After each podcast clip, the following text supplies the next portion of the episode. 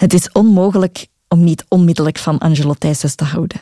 Ik ben echt een manipulatief kreng. Dat is mijn job. De aarde warmt vanzelf een paar graden op door de warmte die je uitstraalt. Als al die ijsbergen smelten, dan kunnen we er ook niet meer tegenvaren. Zijn verhalen zijn als messen. Ze breken los door het oppervlak naar de diepte. Beklijvend, dat is het woord. Ze blijven aan de ribben plakken. Zijn films Girl en Close, waar hij de co-scenarist van was. Zijn theaterwerk bij Ontroerend Goed en zijn debuutroman De Randen. Ik doe niet aan feiten. Ik ben een, een filter en ik schrijf. Hij is de man van de stiltes, van wat er ongezegd blijft tussen de regels. Een witte ruimte, waar iedereen zijn plek vindt. Ik heb het gevoel dat iemand zijn gezicht staan blaffen niet altijd de beste manier is. Wat hij vertelt is van een zachte radicaliteit. Of een radicale zachtheid. Wat is de zin van het leven? Van Angelo Thijsens. Ik ben Anneleen van Offel, schrijver en ongelooflijk slecht in smalltalk. Het totale onvermogen om met de vraag hoe gaat het niet te verzanden in een SWOT-analyse van het leven bracht me al in best wat ongemakkelijke situaties. Maar hier kunnen we gelukkig de koetjes en de kalfjes op stal houden en schaamteloos naar de diepte duiken. Als een boek voorafgegaan wordt door een motto. Welke zin gaat dan in het leven van de schrijver voorop? Welkom in de zin van mijn leven.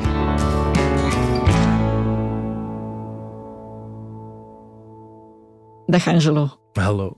Was het moeilijk om een zin van het leven te bedenken? Um, ik heb nogal impulsief gekozen.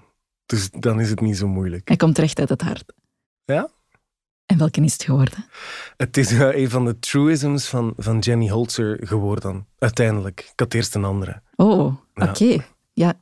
nu ben ik wel benieuwd naar die andere eigenlijk. ja. um, dan zal ik het straks over Jenny Holzer hebben. Ik, ik had er eerst een gekozen waarvan ik dacht dat het een, een letterlijk citaat was uit American Psycho van Bret Easton Ellis. Um, en ik dacht dat het citaat als volgt ging. Uh, a part of me wants to be nice to people. Another part wonders what their head would look like on a stick. Um, ik heb het dan uiteindelijk, om zeker te zijn, opgezocht. Het bleek lichtjes anders te zijn. Het was het al verschrikkelijke hoofdpersonage van het boek dat een, een nogal misogyne seriemoordenaar citeerde. Dus ik dacht dat er misschien wel betere citaten waren om een, een, een, gesprek aan op te hangen. Over de zin van het leven in te zoeken, ja. ja. maar uh, ja, over naar de echte zin van het leven dan. Welke is het geworden? Het, het is er dus een van Jenny Holzer geworden. Um, All things are delicately interconnected. Ja. Voilà. Dat is iets anders, hè? Ja. Ja, en toch zit er niet zo gek veel verschil op. um, ja, ik ben sowieso een gigantische Jenny Holzer fan. Wie was zij eigenlijk? Um, zij is... Of is, ja. Um, is, hoop ik, een beeldend kunstenaar. Zij maakt beelden, maar ze maakt beelden met woorden. Ze heeft een, een hele mooie reeks gemaakt. Zowel een boek als geschilderd. Ik heb thuis werk van haar dat heel delicately geborduurd is. Um, maar altijd taal. Uh, ze heeft dingen op, op, op billboards op Times Square gezet. Um, redacted paintings gemaakt. Dus de, de schilderijen van... Um, ik denk heel veel post-9-11 Guantanamo Bay documenten die zo door de FBI zijn hoofdzakelijk zwart geblokt heeft ze geschilderd. Dus het gaat heel vaak over hoe een wereld construeren via taal. En haar, haar lijst truisms, waar nog fantastische dingen in staan. Um, abuse of power comes as no surprise, staat er ook tussen. Um, protect me from what I want, een, een niet oh, wow. onbelangrijke. Ja, die heeft ze dus um, op een grote billboard op Times Square getoond. Dus tussen de Coca-Cola-reclame en, en McDonald's en dat soort ja, dingen die ons worden wijsgemaakt dat we ze nodig hebben, uh, stond in hele grote letters. Protect me from what I want. Dus um, ja, ze heeft een, een, busje gemaakt waar uh, projectoren op staan en waarmee ze op gigantische gebouwen boodschappen, uh, soms citaten van anderen uh, projecteert. Um, het is rond het Witte Huis gaan rijden toen, toen Donald Trump daar nog, ik ging zat zeggen, allicht lag.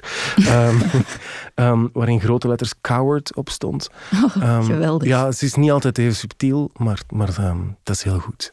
Ja, en wat is het dat in, in haar werk jou zo aantrekt? Um, de helderheid, de, de, de leesbaarheid, de, de poëzie van één zin uit te lichten. Een, een zin die zelden uit, uit complexe woorden bestaat. En uh, het, het, het militante ook daarvan, het, het belang van een heldere boodschap, die dan toch weer genuanceerd is. Um, en het is ook heel erg aesthetically pleasing. Het is altijd heel mooi, het is goed vormgegeven. Ah ja, ook heel belangrijk natuurlijk. Ja, heel belangrijk. Ja. Ben jij echt op zoek naar dat soort dingen? Naar, naar wijsheden? Um, naar wijsheden klinkt nu zo, uh, zo niet, niet tegelwijsheden. Um, ja. Ja er zijn heel veel mensen die slimmer zijn dan ik, dus dat, die, die, dat komt er dan wel tegen vanzelf. Uh, maar ik ben er niet naar op zoek. Het, het, het overvalt mij of het, het, het blijft plakken. Ja, je bent er wel vatbaar voor. Ja. Vatbaar voor wijsheid. Ja? Ik ga het toch nog een keer zeggen. Ja, zeg het nog maar eens. Om nu eens even terug te gaan naar die serie Moordenaren. Ja, ja die blijft toch plakken. Is het belangrijk wie een bepaalde boodschap brengt? Um, dat, kan, dat kan wel belangrijk zijn, ja. In dit heel specifieke geval dacht ik dat er fijnere mensen waren om te citeren. Um, ik, ik, ik bleef ook echt hangen op de ironie van die zin. Um, maar als dan echt een citaat is van iemand die echt mensen hun hoofd op een stok heeft gestoken, dan wordt het minder. Dan is het gewoon te letterlijk. Dan wordt het minder tof, ja. ja. Um, maar ja, je hebt dat hele ding over het, het, um, het loskoppelen van kunstenaars en hun kunst. Um, omdat er, net zoals bij alle andere mensen, al wel eens wat klootzakken tussen zitten. En ik zal nu niet gaan pleiten om sommige mensen per se helemaal te gaan cancelen. Ik zal gewoon pleiten dat er nog heel veel andere mooie dingen bestaat van mensen die misschien iets minder hoog scoren op de schaal van de klootzakkerij. Ja. Ja, het is het, het werk van Jenny Holzer, al die zinnen die, die overal verschijnen in de, in de wereld eigenlijk. Mhm. Ik stel me dat voor als een soort gigantisch gezoom. Er zijn sowieso al heel veel zinnen die ons omringen. Ja. En zij gaat daar dan een spotlight op zetten. Dat is belangrijk. En die heel groot maken soms. Ja. Of, of laten oplichten in het donker. Ja. Ja, het is zo... Het is wel luid, hè? Ja, terwijl haar werk heel stil is, hè? Ja. zo, ze, ze zou ook kunnen staan roepen, maar ze laat de woorden voor zichzelf daar staan. Die moet ze lezen. Er is, er is alsnog een, een vorm van interactie. Um, maar het is luid, ja. Dat mag ook, dat is nodig. Ja. Naar de zin. All things are delicately interconnected. Wat betekent die zin voor jou? Mm, sowieso al letterlijk wat daar staat. De meeste dingen zijn met elkaar verbonden. Um, Subtiel met elkaar verbonden. Ja, op een, heel, op een heel delicate manier. Soms zijn ze heel, heel rechtstreeks, heel erg te, te reduceren tot als dan of dit, dus dat. Um, maar ja, de, de complexiteit van de wereld of van het, überhaupt van het, van het universum of de werkelijkheid waarin wij ons bevinden, hoe, hoe meer ik die probeer te begrijpen, hoe, hoe, hoe meer ik ook zie dat er ja, dat de dingen dus delicately interconnected zijn. En op welke manier zie je dat dan? Goh, dat gaat op, op van, van een heel kleine schaal. Dat, dat, de, ik probeer het niet te veel op mezelf te betrekken hoor, maar dat, dat, dat wat ik eet of wat ik koop, dat dat invloed heeft op het welzijn van zowel mezelf, mijn naasten, maar ook van mensen die ik van mijn leven nooit gezien heb en over 200, 300 jaar ook echt niet zal zien. Um, maar ja, hoe letterlijk elke keuze die we maken, elke keuze die we heel bewust niet maken ook, um, hoe die invloed heeft op, op de wereld waarin wij leven. Is dat echt zo? Um, dat is natuurlijk tot op zekere hoogte zo. maar tegelijkertijd is het ook echt heel goed om te beseffen dat wij echt volstrekt weerloos zijn. Ja, ja want als ik jou dat zo hoor vertellen, dan denk ik wel onmiddellijk, um, mocht allee, natuurlijk ja, bepaalde dingen niet eten, is van een grote impact. Mhm. voor, als we dat allemaal samen zouden doen. Ja, maar ja, dat is de eeuwige discussie van wat kan een mens alleen veranderen. Maar ik denk dat we veel kunnen. Sowieso. De, de, de, geschiedenis wijst dat ook uit. Maar we, we, we zijn best wel met z'n velen. Ehm, dat wijst de geschiedenis ook uit. Ehm, maar tegelijkertijd hebben we ons natuurlijk um, met z'n allen vliegschaamte laten aanpraten. of als we als we de verwarming een graadje uh, zachter zetten, dan gaan we het klimaat redden. Ja, dat is natuurlijk ook gewoon bullshit die, die is ontwikkeld in, in boardrooms van echt, echt ranzig veel betaalde um, executives die een manier moeten zoeken om hun schuld, hele grote schuld van hele grote bedrijven en overheden, af te schuiven op willekeurige mensen die denken, het is waar, we doen van dikke truiendag, terwijl gewoon alles nog wordt opgepompt en opgebrand. Ja, want het klinkt wel alsof jij je heel erg bewust bent van de mogelijkheden die je wel hebt, van wat je wel kan doen om iets te veranderen. Ja, ja zelfoverschatting is mij niet vreemd. het zust mijn geweten, dat is ook leuk. Maar um, zust het je geweten of zadelt je op met een gigantische verantwoordelijkheid? Ja, maar dat is een verantwoordelijkheid die we sowieso hebben. En dan kunnen we onszelf inderdaad gaan sussen en denken, oh ja, wat maakt het uit? Als ik dit doe of als ik dit doe. Maar ik denk dat, uh, dat dat de twee tegelijkertijd waar zijn. Je hebt heel weinig macht, maar, maar de macht die je hebt, kunnen we echt wel gebruiken. Ja, hoe doe jij dat zelf concreet? Um, vliegschaamte overvalt mij wel. Um, ik heb geen auto. Um, ik, ik, probeer zo plantaardig mogelijk te eten. Ik probeer geen kleren te kopen die door kinderen is gemaakt. Ja. Tenzij er echt, als er nu een zot getalenteerde achtjarige bij mij in de straat zit. ja, Zo'n soort kleine mini-Balenciaga, dan zal ik daar echt alles van kopen wat hij in zijn vrije tijd maakt. Ehm, maar over het algemeen koop ik dus niets van kinderen. Ehm, ik, ik probeer me bewust te zijn van, van, van de dingen rond mij. En, en ik denk in, in general zoveel mogelijk lijden te vermijden. Of dat dan bij andere mensen, uh, of, of, of het lijden van andere mensen is, of van, van dieren, of van wat of hoe dan ook. Um, maar ik zal ook de eerste zijn om toe te geven dat ik daar niet altijd even consequent in ben, want dat gaat niet. Nee, en het is misschien net door niet consequent te zijn dat je het kan volhouden.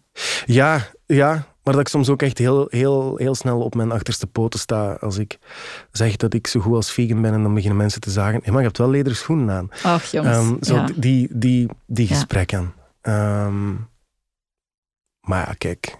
Ja, want het gaat wel echt over, over over kan we zeggen, een beweging naar boven. Over nee, we zijn samen aan iets aan het bouwen dat beter wordt. We ja, we proberen de totale vernietiging te vermijden. Ja. Eigenlijk zouden we daar mee bezig, of zouden we daar moeten mee bezig zijn. Ja. Meer nog dan iets naar boven bouwen. Een beetje minder naar boven bouwen. Maar, maar naar boven, zoals in er zijn mensen die veel meer verantwoordelijkheid en veel meer macht hebben. En die bewust maken van het feit dat ze echt eens dringend moeten gaan bougeren. Ja, dat dan weer wel. Ja, het gaat vooral over dat bewustzijn. Hè? Het zien, alles is op een delicate manier verweven met elkaar. Als, we daar, als we gewoon beginnen met dat al te zien en ons daar bewust van te zijn, ja, ik denk dat er al heel veel mensen een stap verder zouden zijn. Ja, en, en dat, is ook, allee, dat, is, dat is ook redelijk hardcore wetenschap, want dat klinkt een beetje als een soort Dylan en Camille wijsheid. Hè? Um, terwijl het dat dus niet is. Over naar de wetenschap. Ik zie ook, uh, ik zie ook al champignons overal de schimmeldraden die met elkaar verweven zijn, als we het nu even op een heel erg letterlijk niveau gaan bekijken. Ja. Die zin dat uh, ja, schimmels zijn hot. Hè? Dat... Dat, is, dat is waar. En lekker. Ja. nee, hoe zie jij dat? Um, ja, ik, ik, ik, las onlangs dat we hebben ons zo een, een, blijkbaar een beetje iets op de mouw laten spelden en we, we romantiseren dat ook heel hard.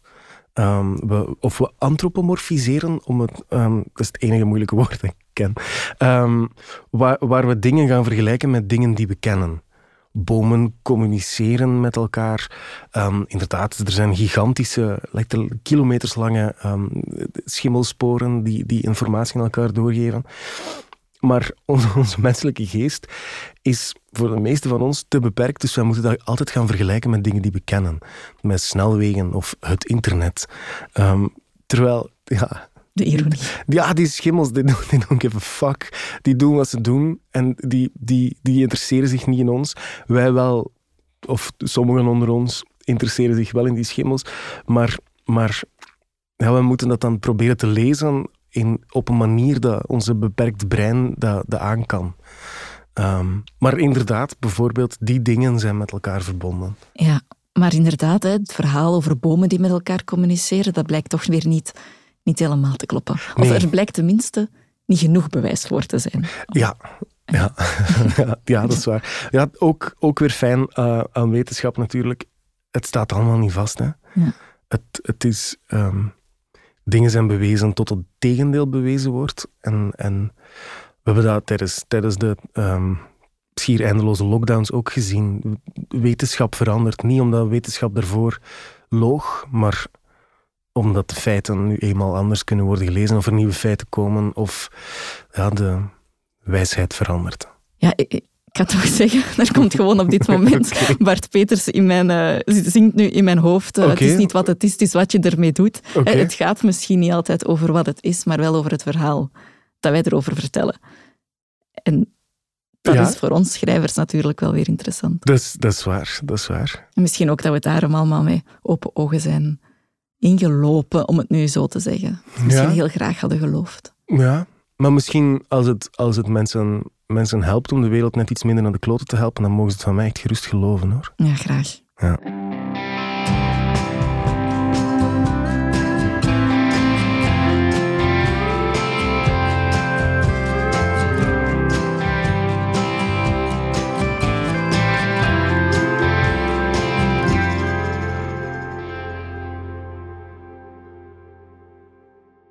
Dus die zinnen van Jenny Holzer die overal verschijnen. Mhm. Ehm, zijn er zo zinnen van jou die een eigen leven zijn beginnen leiden?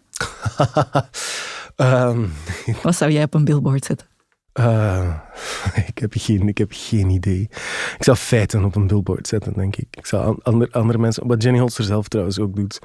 Ehm, nee, nee. Ik, ik, ik merk wel, dan gaan we recht naar de ijdelheid, dat je hebt zo het geweldige Goodreads, waar mensen eh, dingen over, over alle boeken en dus ook over dat van mij kunnen schrijven.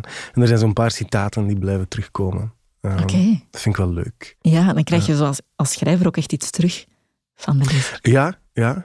Mensen die zo op uw schrijverspagina op Goodreads dan u aan uzelf citeren.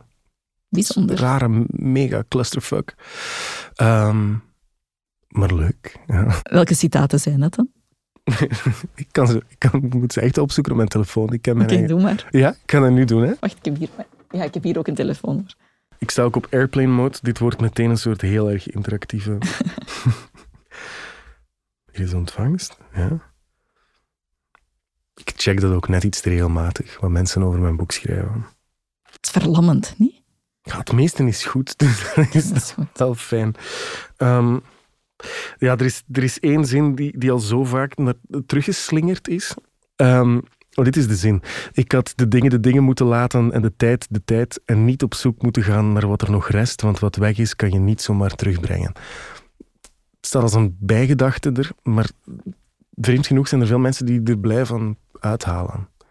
Er zit een soort, het is de kern van mijn boek eigenlijk, maar die zit verstopt in een, in een soort rant of een andere gedachte. En dat is dan heel fijn om te voelen hoe lezers net die zin eruit lichten. Dat, die, dat ze daar blijven aan hangen. Terwijl eerlijk gezegd, in het schrijven was die mij niet zo opgevallen. Ja. En dan, dan die terugkrijgen is wel... Ja, dat, dat, is, dat is leuk. Hoe is het contact met jouw lezers? Eh, over het algemeen goed. Ik ken ze alle vijf.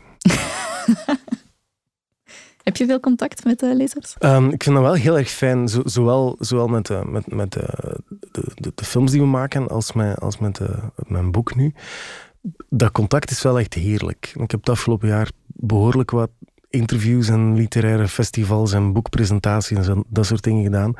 En ja, mensen, mensen komen wel af, wat ik sowieso al redelijk verbazingwekkend vond in het begin. Nu nog steeds een beetje, maar, maar ja, mensen praten ook echt. Mensen zien een verhaal dat iemand vertelt ook heel vaak als een uitnodiging om, om zelf een verhaal te vertellen. Of daar op, zijn minst een deel van te delen. En dat is soms echt heel heftig en heel bizar om na een, een lang interview dan even buiten te staan en te denken, oeh, dat was heftig, en er dan nog een paar te krijgen. Maar ik ben er tegelijkertijd ook heel dankbaar voor, omdat blijkbaar de manier waarop het verteld is, mensen een soort vrijgeleide geeft om ook iets van zichzelf te delen. Ehm, en dat zijn dan uiteraard alleen de mensen die ik daar ontmoet. En, en ik wil dat dan heel graag voor mezelf extrapoleren en denken: ah ja, dat is dus wat zoiets kan. Ja, ook dat is die verbondenheid. Hè? Een verhaal zet verhalen in gang ja. en in beweging. Ja. ja. Hoe anders was dat voor jouw films, voor Girl en Close, waar je co-scenarist was, en voor je theaterwerk? Um, ja, die hebben natuurlijk een veel groter bereik. Uh, maar en, en het is een heel ander werkproces. Maar in C zit er niet zo gek veel verschil op. Ik denk dat als een, als een verhaal uit een, om de juiste reden verteld wordt en als dat mensen raakt, dus, dus zo de, de universaliteit van, van, van bepaalde thema's of van, van verhalen, dat, dat blijft me echt verbazen. Dat mensen letterlijk aan de andere kant van de wereld, met wie je geen taal deelt, alsnog ontroerd kunnen worden door iets wat je echt in de taal waar jij mee opgegroeid bent, geschreven hebt. Dat is, dat is waanzinnig. Dat is echt zot. Ja, mensen kennen jou van de films, van Girl in Close, van jou, maar ook van jouw boek natuurlijk nu, De Randen. Maar je hebt ook al heel veel theaterwerk gemaakt. Mhm. waar, waar ontstaan al die verhalen bij jou? ik heb geen antwoord op die vraag. Um, ik, ik hoor mezelf het begin van een zin maken in mijn hoofd en ik denk, dat is ook niet waar. Ik weet het niet. Ik, ik probeer veel te kijken en te zien en te luisteren en dat soort dingen, maar then again, wie niet? Um, heel vaak zijn, zijn de dingen, zeker de dingen die uiteindelijk iets geworden zijn, een soort kleine vonk of een soort bijgedachte die blijft terugkomen. Oh ja. um, en, en waar meer. Het is vaak door, door context te creëren of door, door dat nog eens te gaan herbekijken, dat ene kleine ideetje of dat, die, die kleine gedachte, dat die groter wordt en, en, en rijker wordt. Ben een heel grote fan van Céline Sciamma, de, de Franse scenarist en, regisseur, die onlangs zijn, ook dat is weer blijven hangen, opnieuw een heel korte zin. Um, intuition is political. Dus, dus de manier waarop we naar de wereld kijken is sowieso door een bepaalde bril met een bepaalde blik die constant gevoed wordt. En die voedt ook die intuïtie. Waarom blijf ik ergens aan hangen? Waarom, waarom resoneert iets en waarom andere dingen niet? Ik heb het gevoel dat het voor mij hoe langer hoe meer gevoelsmatig is, maar dat dat gevoelsmatige gewoon ondersteund wordt door een, een een wereldbeeld of door een manier van naar de wereld te willen kijken. Dus ja, ze, ze overvallen mij als verkoudheden. Sommige blijven plakken en andere niet. En welke laat je dan gaan? Um, ik laat niet zo superveel gaan. Um, omdat ze opnieuw... Omdat uiteindelijk dus alles delicately interconnected is. Heel veel van die dingen vinden dan ook wel weer hun weg of zo. Um, ik heb toen ik aan een, aan een, een, een ander scenario bezig was, de, de hoerschans gehad om naar uh, Torino Filmlab te mogen gaan, waar ze filmmakers van over heel de wereld in, in hele korte, intense um, weken bij elkaar zetten, verspreid over, over heel Europa. En, en daar komen heel interessante, welgestudeerde mensen dan lezingen geven. Het een was een, een lezing van een uh, Franse story editor, de, heerlijke Isabelle Fauvel. En zij omschreef het, het werk dat wij kunnen doen als, als kunstenaars als een, een tuin onderhouden, hè, de, de jardin cultiveren. Um, en zei daar iets, iets wat ik voor mezelf heel waardevol vond, is dat de meeste van ons de fout maken om in het midden van dat, dat, dat klein stukje grond een boom te zetten en dan te staren naar die boom, hoe die groeit en te wachten. Um, Terwijl, ja, één welgemikte bliksemschicht en de boom is weg. Terwijl als we die boom een beetje meer aan de kant zetten, die gaan wel groeien. Dat is echt oké. Die zoekt zijn weg. Um, en wij moeten zorgen dat de rest van die grond gezond blijft. Daar andere dingen gaan inzetten, een, een compost opmaken. En tegelijkertijd hebben we dan ook wat, wat schaduw om zo shit te proberen en zo wat uit te strooien en te denken, nou, hier komt niets uit en dat kan dan weer op de compost op. Of er schieten plots dingen uit de grond waarvan je niet wist dat ze er überhaupt waren. Um, maar waar dan meer plaats kan voor worden gemaakt of die dan weer iets anders worden. Dus zo dat idee dat, dat een, een schrijverschap, ik denk zelfs bij uitbreiding een leven, een soort ja, wat grond is met een eigen ecosysteem en dingen die ehm, dingen die elkaar steunen of die, die opduiken en gecultiveerd kunnen worden. Dat, dat was voor mij een soort vrijgeleide om de manier waarop dat ik sowieso het gevoel had dat ik aan het werken was, om die eigenlijk ja, onder woorden te brengen. Ja, want werk je aan verschillende projecten tegelijk? Ja, de hele tijd. Ja. Voor uw films bijvoorbeeld, word jij gevraagd om een bepaald verhaal uit te werken of is dat iets dat uit jou komt? Soms, maar ja, ik ben een schrijver, geen typemachine. Dus ik schrijf. Dus zelfs als het een, een bewerking van een boek is, of zoals bij, bij Girl bijvoorbeeld, een, een stapel krantenknipsels en de echte getuigenissen van, van Nora, op wie de film um, gebaseerd is, dan nog moet dat via mij en langs mij. Ik, ik doe niet aan ja. feiten. Ik ben een, een filter en ik schrijf. Ja, en hoe beslis je wat er terecht komt in een film en in theater of een mm, boek? Als het plakt, als het blijft hangen. Um, en ja, er, om zoveel verschillende redenen kunnen dingen ergens komen of, of, of uiteindelijk weer verdwijnen. Um, ik heb moeten leren dat feiten geen verhalen zijn. En, en dat bij een soort feitelijkheid blijven of denken, ah, zo is het, we gaan het vertellen zoals het is. Dat is iets waarvan ik hoop dat politici het net iets meer zouden doen. Dat is niet mijn beroep. Um, je merkt dat mijn, mijn job steeds meer en meer een soort ja, liegen om dichter bij de waarheid te komen. Um, bij, de waarheid van dat verhaal.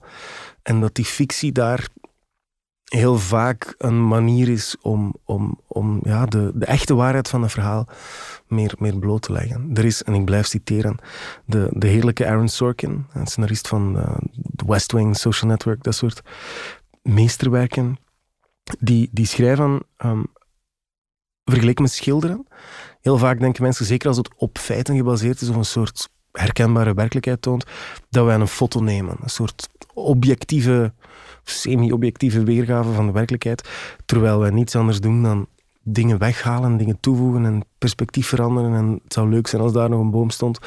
Um, of kleuren of wat dan ook.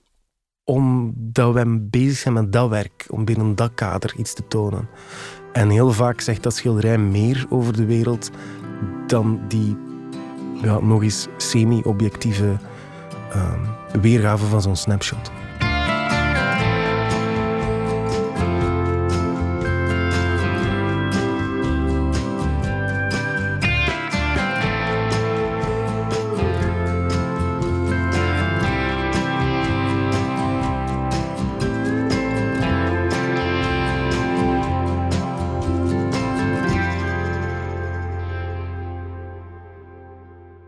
Naar het woord delicately gaan. Oké. Waarom is dat zo belangrijk in deze zin?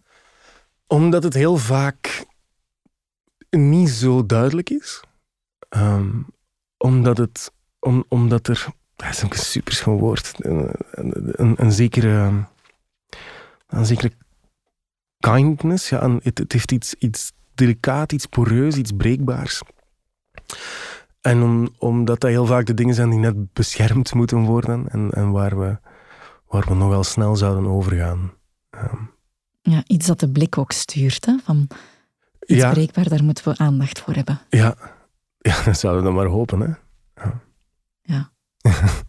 Het staat wel in contrast, die breekbaarheid, met de stelligheid van de truisms van Holzer, vind ik.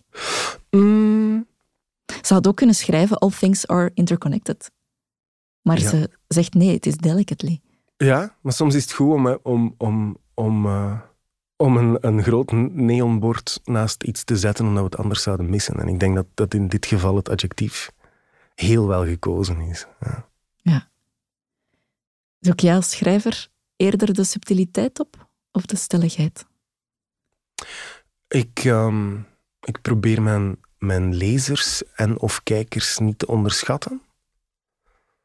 Um, ik heb het gevoel dat iemand zijn gezicht staan blaffen niet altijd de beste manier is om, om gehoord te worden.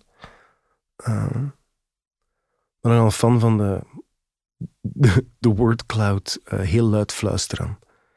Um, ik weet niet welke Amerikaanse president het was, maar die had het. En toen ging het over de Koude Oorlog, maar ik ga het totaal uit de context halen. Maar Speak softly but carry a big stick. Vind ik een, een heel fijne.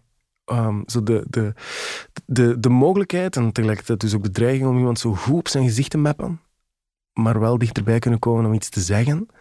Um, ja, ik, hou wel van een zekere dreiging.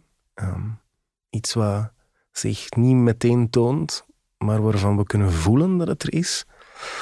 En iets voelbaar maken is denk ik het allermoeilijkste in ons vak. Ja, ja dat is het verhaal, hè? Ja, dat ja het verhaal, maar een, het verhaal wat veel, veel dieper en veel verder gaat dan de plot, of om het in scenario-termen te zeggen, de plotpoints. Um, iets wat zwaar voorbij de, de feiten gaat. Ik blijf citeren. Er is een... de, beste band ooit is en blijft Radiohead. En die hebben een heel mooi nummer dat Two and Two is Five heet. Um, iets waar ook Dostoevsky over geschreven heeft. En zo is alles delicately interconnected. Um, maar het, het, het idee dat, dat, dat, dat we, als we een verhaal delen, iets dat van schrijver naar lezer gaat, dat de ene twee is en de andere twee, en dat de som der delen vijf is. Het meer is dan jij leest wat ik schrijf, maar jij voegt ook dingen toe en ik kan dingen weglaten. En jij kunt die dan vervolgens aanvullen en samen hebben wij een, een rijkere ervaring dan wanneer ik het alleen zou doen. Ja, ik vind het wel fijn dat jij uh, allemaal heel erg beroemde kunstenaars citeert en ik Bart Peters. hey, de Tom York van Boeghout. Ja, absoluut. Omdat we dan toch aan het citeren zijn. Ah, ja, hopla. Hier, ik wil ook iets, iets interessants ah. zeggen. Alles van waarden is weerloos. Ja. Ook dat die weerloosheid. Ja, ja. Ja, en dan, dan zal het een taak zijn van, van alles wat iets minder weerloos is, om alles van waarde beter te beschermen. Het klinkt als een geweldige conclusie van ons interview, maar ik denk ja, niet dat we... zijn nog niet klaar, hè? um, ik vind het soms wel moeilijk om als schrijver mezelf een positie aan te meten. Om te, het gevoel te hebben van oké, in deze wereld um, ja, hoe verzanden we niet in gezapigheid? Komen we er nog wel met gewoon een verhaal te vertellen? Maar we zijn er nooit geraakt door gewoon een verhaal te vertellen. Die, die, die kwaadheid of het, of, het, of het oneens zijn met de wereld zoals die is, is denk ik altijd al een motor geweest om verhalen te vertellen. Over mensen die het nog slechter doen dan jij, of mensen die het die het beter doen of, of, of om, die, om die blik te verruimen. Ik denk dat we daarom. En, en dan, heb ik, dan heb ik het over goede verhalen. Hè? Dat we daarom altijd al goede verhalen hebben proberen te vertellen. En dat ze daarom ook relevant zijn. En dat ze daarom ook blijven. Ja. En dat we ze daarom ook herkennen. Dat we daarom de, de zielenroerselen van God weet welke dichter van 3500 jaar geleden kunnen lezen en denken, en ah, wel, voilà, zie je wel? Um, omdat we ons bevestigd zien in, in onze eigen twijfels, om met stellige zekerheid dezelfde twijfels te hebben als een oude Griek, dat is troostend. Um, maar, maar gezapigheid, ja, het kan, hè. Het gebeurt. Het zou soms ook zoveel makkelijker zijn. Maar het is ook gewoon saai. Wat gebeurt er dan? Ja, wanneer is een verhaal relevant? Um, en daar zitten we natuurlijk terug bij voor wie? Um, ik heb al, ben al begonnen, ik zal het zo zeggen, in, in zogenaamd heel relevante boeken met heel relevante verhalen, die mij echt geen ene hol lijken te ontroeren.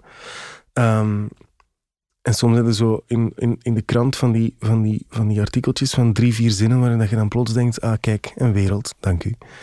Um, en dat is dan nog enkel vanuit een lezersperspectief.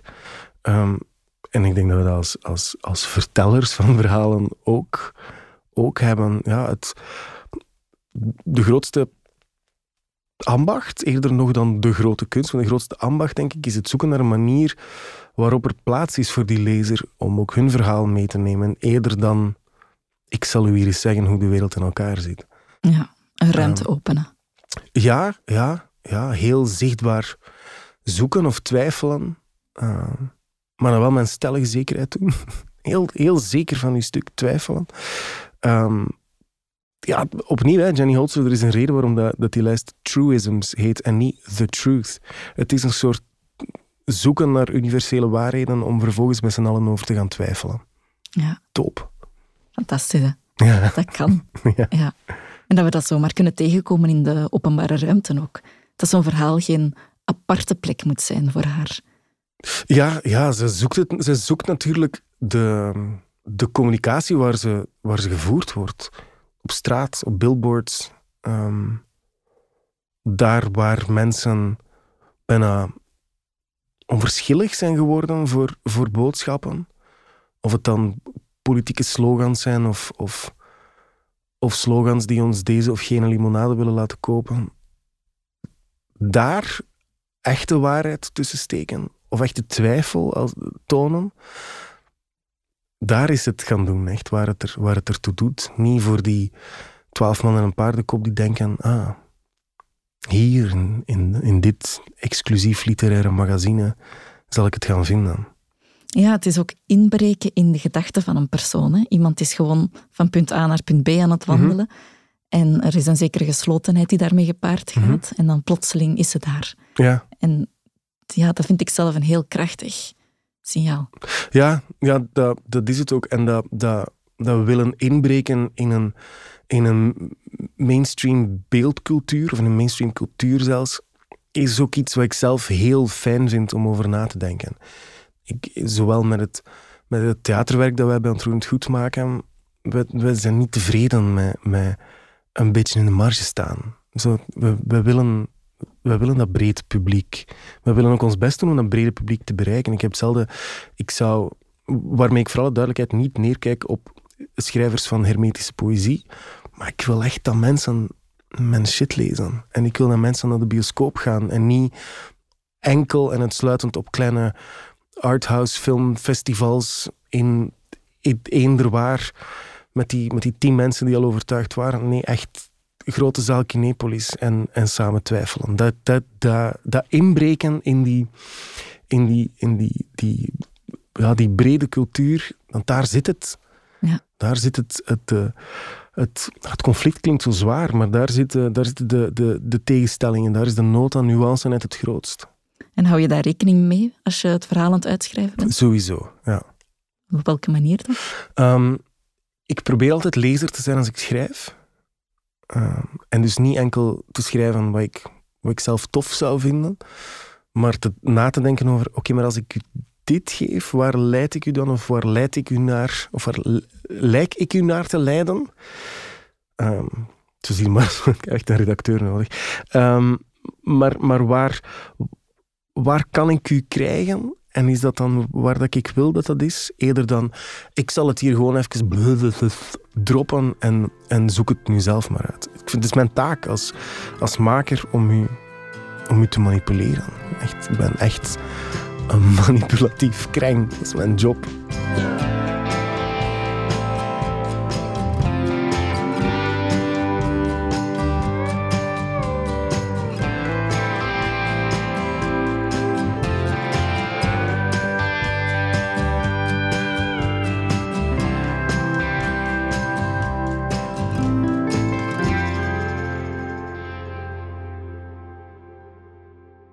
Vind eh, dat er wel in die zin, ja, ik vind dat daar toch wel een troost in zit. Omdat het mij doet denken aan eenzaamheid ook. En je staat nooit helemaal alleen. Zo. Ja, ja. Ze zegt ook, en dat vind ik ook wel mooi, er staat things. Dingen. Niet per se, niet per se mensen. Of dieren of ijsdoorns, maar dingen, alle dingen. Misschien zijn wij ook wel dingen. Maar wij zijn, zo- wij zijn sowieso dingen. Wij zijn, ja, we hebben met z'n allen natuurlijk de grote neiging om onszelf te overschatten. Hè? We zijn ook maar een, een deel van een groter geheel op een planeet die volstrekt onverschillig is. Um, the, the planet doesn't care. Het is raar hè, dat dat dan toch zoveel geruststelling biedt op een of andere manier. Ja, ja, Dat uitzoomen en onszelf zien zitten op ons blauw bolken, ja, mij geeft dat wel echt een troost. ja. En de wetenschap dat over een paar miljard jaar de zon zo zal uiteinden dat wij allemaal echt gelijk de kaas die zo aan de zijkant van een croque machine blijft hangen, volledig gaan verkolen. Heerlijk troostende gedachten. Maar ondertussen zijn we hier wel en kunnen we alsjeblieft misschien met z'n allen proberen om, om dat nog net iets aangenamer te maken voor iedereen. Ja. Absoluut, super waar. Ehm, en toch bedoel ik het echt wel als, als een troost. Ja, het is, maar het is, ook, het is ook troost. Want het is, ja. Maar het is ook het is ook absurd. Hè? Ik bedoel, het is natuurlijk ook wel alle, alle grote religies, van, van godsdiensten tot politieke denkbeelden hebben gedaan. We hebben altijd onszelf centraal geplaatst. En vreemd genoeg, nu op een punt in de wereldgeschiedenis waar onszelf centraal plaatsen eigenlijk het meest noodzakelijke zou zijn. Want ik vind dat ook erg voor die ijsberen, maar die kunnen mij ook gewoon gestolen worden. Ik wil graag niet opbranden binnen dit en 10 à 15 jaar.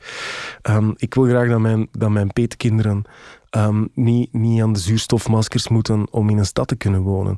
Um, ik uh, ben uh, heel uh, open naar mensen die van overal ter wereld naar hier willen komen.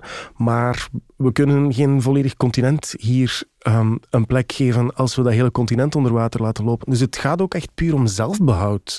Het is echt, we moeten altruïstischer zijn op veel gebieden, maar in dit specifieke geval, als het gaat over die hele klimaatcatastrofe, moeten we veel egoïstischer zijn. We moeten echt aan zelfbehoud doen. En om dat dus te kunnen doen, en all things are delicately interconnected, moeten we gewoon ook beter voor de plek waar we met z'n allen wonen zorgen. Anders zijn we ook al onze lekkere privileges kwijt. Ja, en onze privileges op dit moment inzetten voor de mensen die daar ja, die, die echt al de, de gevolgen dragen. Ja, ja het zal wel zijn. Ja. Absoluut. Ja. ja, hoe ga je daarmee om met die gedachte dat daar... Ik vind dat soms dan ongelooflijk verlammend. Dat je ergens op zit en je kan er niet meer af. ja. Ja. En nu wordt het duister. Nu wordt het duister. Ik ging een grap maken over dat strijkkwartet op de Titanic, maar ik ga het niet doen. Maar ja, het is een beetje van dat hem, hè. Nu, het voordeel is, als al die ijsbergen smelten, dan kunnen we er ook niet meer tegenvaren. Ja. Is er een manier om daarmee om te gaan? Met die grote klimaatramp? Ik denk dat er nog heel veel mensen die veel verstandiger zijn dan ik, daar heel interessante dingen gaan over schrijven en, en doen. Um, ik heb zelf heel veel gehad aan, aan, ik denk, De Natuur in Opstand van de fantastische Philip Blom. Die schrijft over de, de, de kleine ijstijd. De, de, de tijd van Breugel. Um, waar het klimaat op een heel korte tijd plots heel erg veranderde en hoe mensen daar gewoon antwoorden hebben op gegeven. En hoe die antwoorden eigenlijk hebben geleid tot de renaissance. tot een betere tijd voor iedereen. Omdat ze nu eenmaal met z'n allen zagen dat, er, dat het graan niet meer um, rijp werd.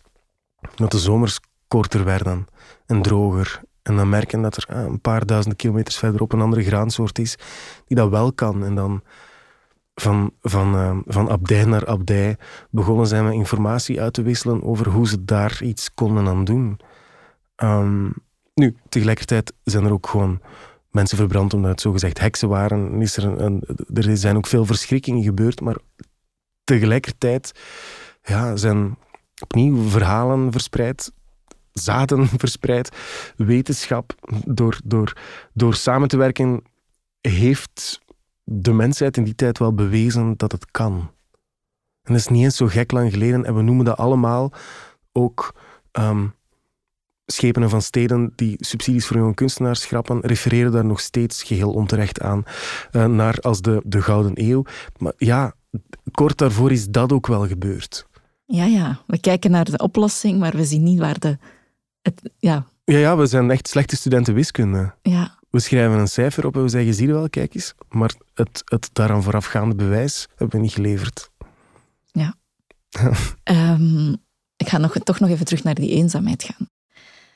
Um, een associatie die die zin bij mij heel erg oproept, mhm. is dat het eigenlijk het tegenovergestelde is van eenzaamheid. Mm -hmm. Het is in, als alles met elkaar delicaat verweven is, ben je echt ook wel ergens een deel van snap ik op een, op een soort groter filosofisch level wel. That's me. Ja, ja. ja maar, maar wie, wie, wie zonder vrienden door de veldstraat sleffert bij gebrek aan echt contact, heeft daar weinig tot niets aan natuurlijk. Is dat gebrek aan verbinding ook niet een soort van oorzaak voor die impasse van waar we nu in zitten? Oh ja, ja. Ja, de grote verhalen zijn weg. Hè. Allee, ik wil heel graag opnieuw mee met heel veel andere mensen het grote verhaal vertellen. Iets wat ons volgens mij als tijdelijke passagiers op dit ruimteschip echt wel verbindt. Ehm, maar er zijn nog zoveel mensen opgegroeid met het idee dat ze nooit alleen zijn, omdat er een of ander fabeldier voor hen zorgt of op hen neerkijkt. Vooral op hen neerkijkt eigenlijk. Ehm, maar het, ja, het, het, het echt in connectie staan met, met andere mensen is echt ook lastiger of moeilijker geworden voor heel veel mensen. Ook voor mij. Hè. bedoel, dus, dus, er, er, is, er is tegelijkertijd zoveel en, en toch is zo stilstaan bij, bij elkaar niet altijd even gemakkelijk. Ja, hoe komt dat toch? Ja, omdat we met z'n allen in een soort... Ken je de Colmar? Ja, ja, ja. Ja. Dat restaurant waar je een volonté buffet hebt. Een beetje dat. We leggen een beetje zo van, van alles op ons bord omdat we bang zijn om iets te gaan missen. Ja. Niets past echt bij elkaar. Alles is onder... Colmar is niet jullie sponsor, hè? Nee. Nee, alles is ondermaats van, van, van kwaliteit en al, al te vaak opgewarmd. En de helft is gewoon sal, salmonella met mayonaise. Maar we zijn bang om iets te missen. En in plaats daarvan ja, wil je gewoon iets goed op je, op, iets goed op je bord. Met wat meer witruimte daar rond, maar iets goed, iets met smaak. Voilà, restaurantsvergelijking. ja, ik wou net zeggen van hoe, waar zit de... Ehm, in die veelheid zit het. In dat verlangen naar, naar veelheid en naar...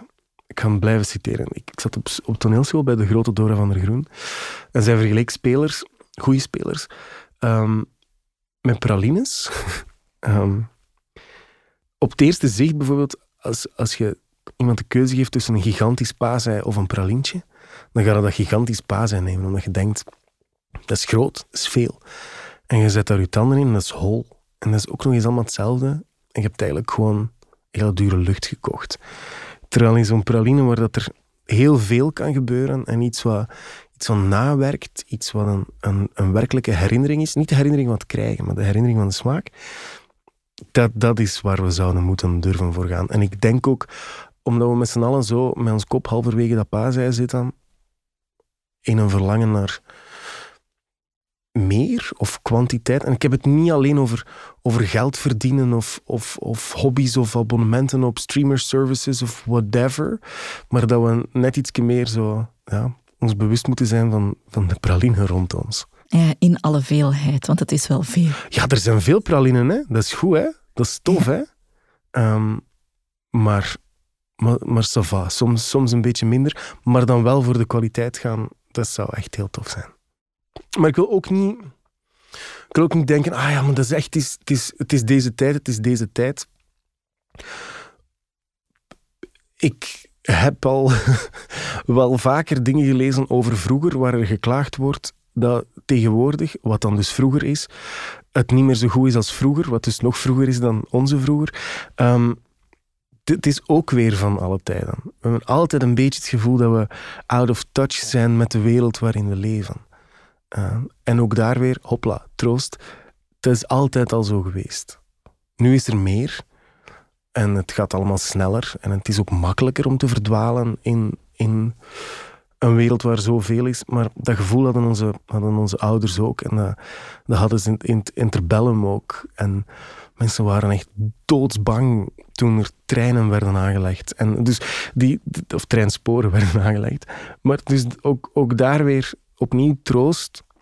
Opnieuw een soort verbinding um, doorheen de geschiedenis en doorheen plaats en tijd. Het is ook herkenbaar. Andere mensen hebben het ook al gevoeld. Het is oké, je, mocht dit, je dit voelen. Zet, zet u. Ben jij een optimistisch persoon? Super optimistisch. um, ook daar weer, hè, dat, is zo, dat, is een, dat is een ja of nee vraag. Als ik daar nee op antwoord, dan ben ik per definitie een pessimist. Um, ik, neig naar, naar het pessimisme, een soort vrolijk pessimisme. Um, ik denk niet dat het snel allemaal beter zal worden. maar ik heb de hoop nog niet volledig opgegeven.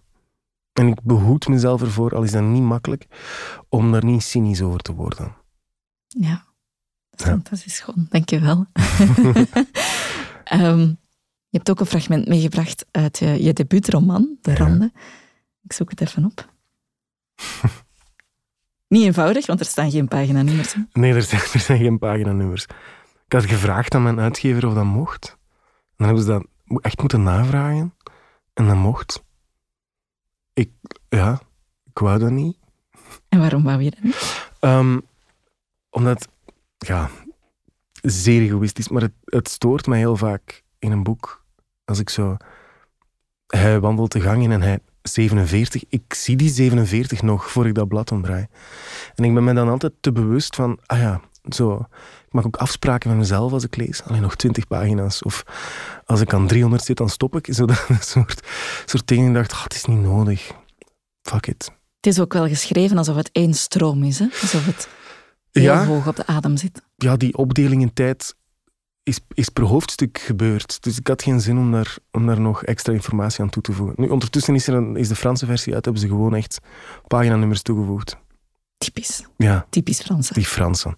Totaal geen nuance, dat volk. Gebrek aan respect, ja. Weet het, diva literatuur.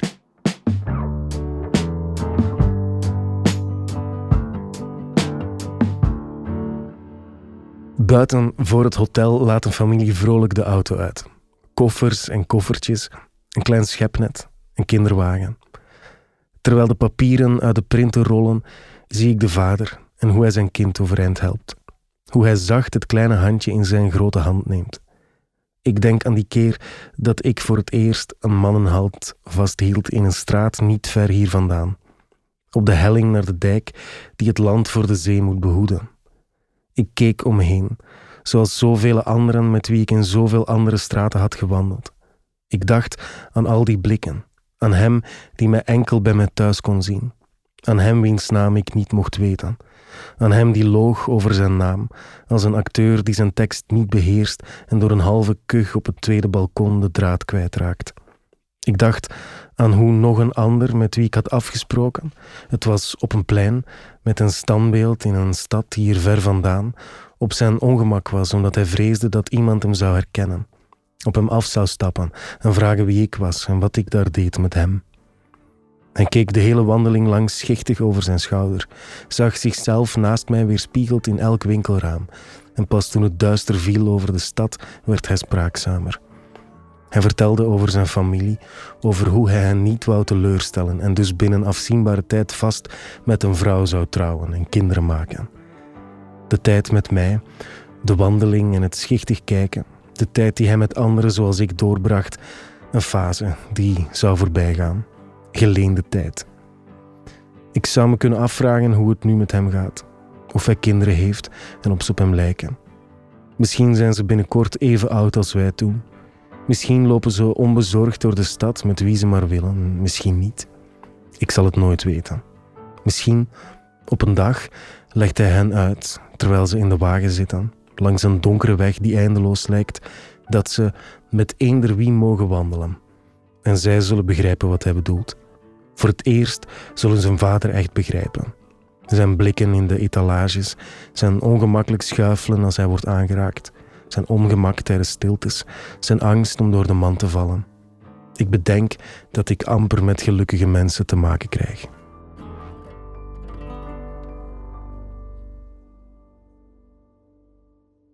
Dank je wel. Alsjeblieft. Op welke manier resoneert dit met de zin van je leven? Ehm, met het idee dat je nooit iemand echt helemaal kunt kennen.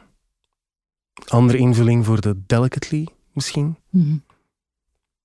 Zachtjes kennen, maar niet, niet door en door. Dat de meeste mensen die je ontmoet of die je ouders zijn of waarmee je getrouwd bent eh, of die je dagelijks ziet, dat dat maar een deeltje is van wie die, van wie die mensen zijn. Dat je ook maar een deeltje kunt tonen of vertellen van wie dat je echt bent. En, en dat dat oké is. Dat is fantastisch mooi. Dankjewel, Angelo. Dankjewel. Dit was de zin van mijn leven. Een podcast van Curieus in een productie van House of Media en ik ben Anneleen van Offel. Wil je de zin van je leven zeker niet missen? Volg ons dan op Spotify of op je favoriete podcastkanaal. Daar kan je ook een review achterlaten of tip ons aan je vrienden.